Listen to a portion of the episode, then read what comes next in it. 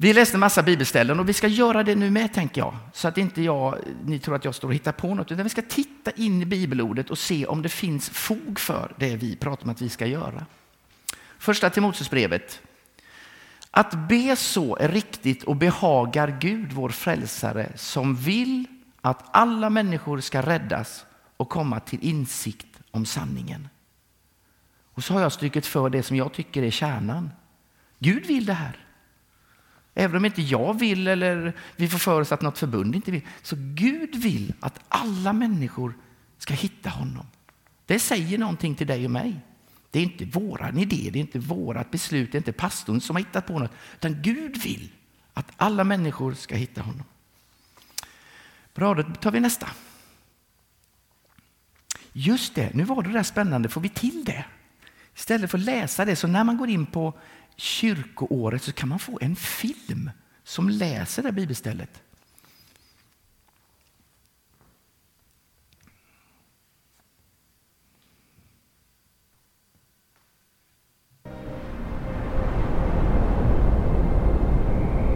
De elva lärjungarna begav sig till Galileen, till det berg dit Jesus hade befallt dem att gå. När de fick se honom där föll de ner och hyllade honom. Men några tvivlade. Då gick Jesus fram till dem och talade till dem.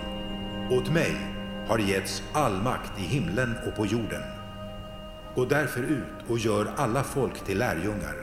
Döp dem i Faderns och Sonens och den heliga Andens namn.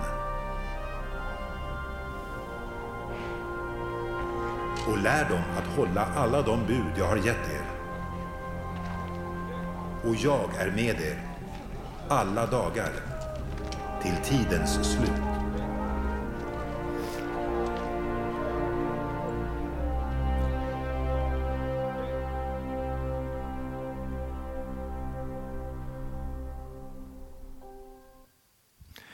Det blir ju lite roligare att man liksom får en liten bibelfilm där. finns varenda kyrkoårets texter nästan utifrån, framförallt från Nya Testamentet, så finns det jättemycket fina filmer. Den texten som den handlade om, det jag strök under där var ju vårt, ditt och mitt uppdrag. Det verkar som söndagsskolan har rätt. Har du uppfattat vem Jesus är så ska du som söndagsskollärare dela det vidare. Gå därför ut och gör folk till lärjungar. De hade upptäckt något och så var budskapet från Jesus. Du och du och du, du ska också gå ut och göra alla andra till lärjungar. Bra, då tar vi nästa. Matteus 14. Om budskapet om riket skall förkunnas och budskapet om riket ska förkunnas i hela världen och bli till ett vittnesbörd för alla folk. Sedan ska slutet komma. De väntade på något slags slut. De väntade på att Jesus skulle komma och när han kommer så sa han det. Ja, innan slutet kommer så måste riket förkunnas. Så du som har upptäckt Jesus, du ska på något sätt berätta detta vidare. Efesierbrevet 6. Ta därför på er Guds rustning så att ni kan göra motstånd på den onda dagen och stå upprätta efter att ha fullgjort allt. Stå alltså fasta, spänn på er sanningen som bälte och klä i rättfärdighetens pansar och sätt som skor på era fötter villigheten att gå ut med budskapet om fred. Det finns en rustning som vi kan ha på oss när vi ska göra det här. Och Den rustningen innehåller bland annat att ta på sig rätt skor. Vi pratade mycket om igår om olika liknelser, så där, bygga sitt hus på sten och sand. Ja, det handlar inte egentligen om det, det handlar om något annat. Det handlar också om något annat, inte ha rätt skor på sig, men att vara villig att gå. Ha det i tanken att när du hittar någonting så ska du vilja gå ut i världen och berätta det för andra. Budskapet om fred, det är det Jesus talar om. Matteus 5.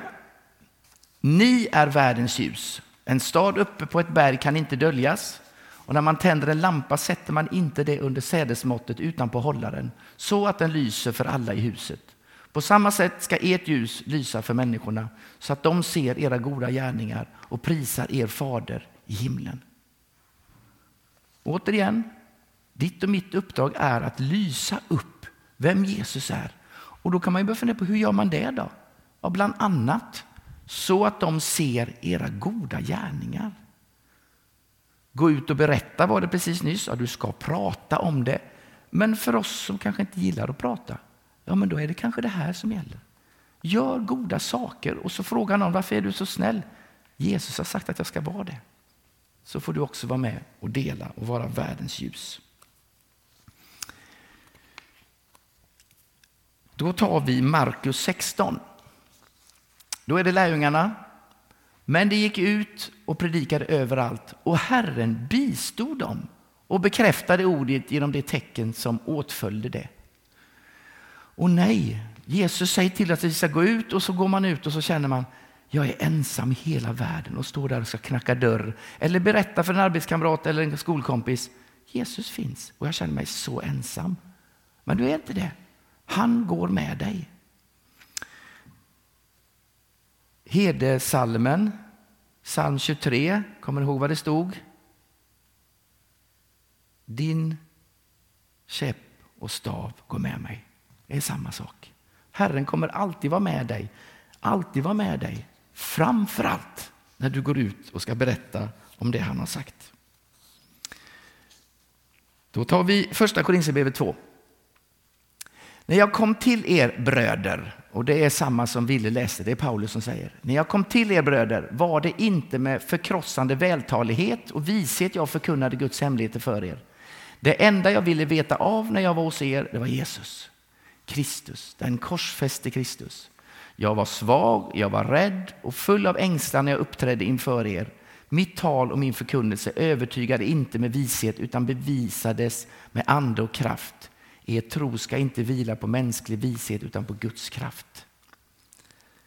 Men jag kan ju ingenting. Jag är ju så liten och ynklig och dålig och jämför mig med, med de andra så är det alltid någon som är bättre än mig. Paulus som har skrivit halva Bibeln, säga. han var svag, han var rädd, han var full av ängslan och ville inte ens stå där och vara duktig utan han ville bara det som ska hända och synas, det är Jesu kors. Så när du tänker sådär, ah, men Gud, Jesus kan nog inte ha någon nytta av mig för jag är så dålig, så har du fel. Han kan använda dig. De där som är superduktiga, det kan han använda på något ställe. Men det lilla du kan, det kan han använda också. Då tar vi Romarbrevet 12. Ty liksom vi är en enda kropp med många lemmar, alla med olika uppgifter, så gör vi, fast många, en enda kropp i Kristus. För var för sig är vi lemmar som är till för varandra. Oj, vad vi har pratat om det förra terminen och den hänger i fortfarande där. Med att vi behövs allihop. Hela konfagruppen är ju liksom en grupp sådär.